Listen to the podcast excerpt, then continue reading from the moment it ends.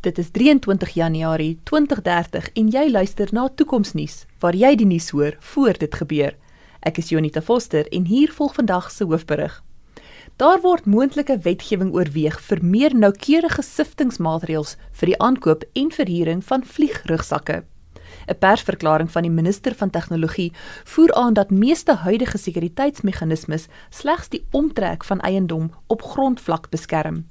Die nuutste misdaadsyfers dui egter aan dat maatskappye meer gereeld besteel word deur mense wat oor naweke en in die aande oor die heininge vlieg.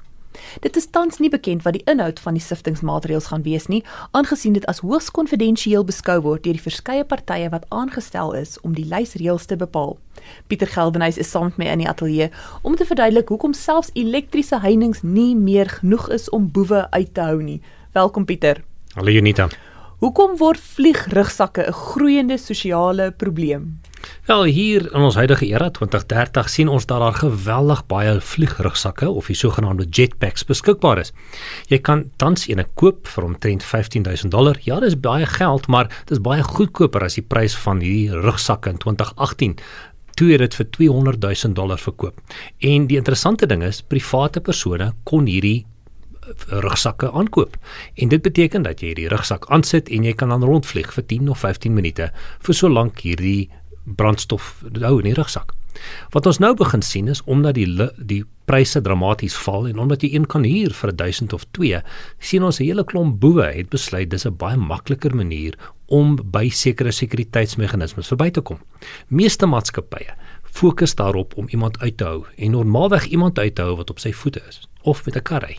Hulle het nie eintlik daaraan gedink dat mense oor die heining sou vlieg nie. En nou met 'n rugsak wat jy kan huur teen R1000 'n dag, sien ons dat baie mense, veral museums en natuurlik groot korporatiewe kantore teiken waar hulle dan kan inkom via die dak of via ander platforms en dan baie maklik van hierdie uh, baie kunskatte sal kan steel of natuurlik hoë waarde items. Ehm um, en dis baie interessant om te sien wat maatskappye nou gaan begin doen om hierdie hok te slaan wat gaan maatskappye begin doen? Watter oplossings word tans voorgestel wat die probleem kan okslaan? Daar's twee tipe tegnologieë, lidar of radar. Die een is liggolfradar, die ander een is gewone radar wat ons ken. En deur dit te aktiveer om na die lugruim bo jou gebou of bo museum te kyk, kan jy dan agterkom of iemand in hierdie omgewing is. So jy kyk amper na 'n ander tipe van alarmstelsel wat ook na die lugruim bo geboue moet kyk. So taamlike koste wat maatskappye moet aangaan, maar die tegnologie is wel beskikbaar om enige voorwerp op te tel wat in die lugruim bo jou gebou is. Jy het vir my gesê dat masjienleer 'n groot rol gaan speel in hierdie oplossing. Verduidelik vir ons 'n bietjie daarvan. Al die probleem is as jy natuurlik radar of lidar gebruik, dan gaan dit elke voël optel wat oor jou vlieg. En elke keer as daar 'n arend verbyvlieg of een van die Adidas, dan wil jy nie hê jou alarm moet geaktiveer word nie.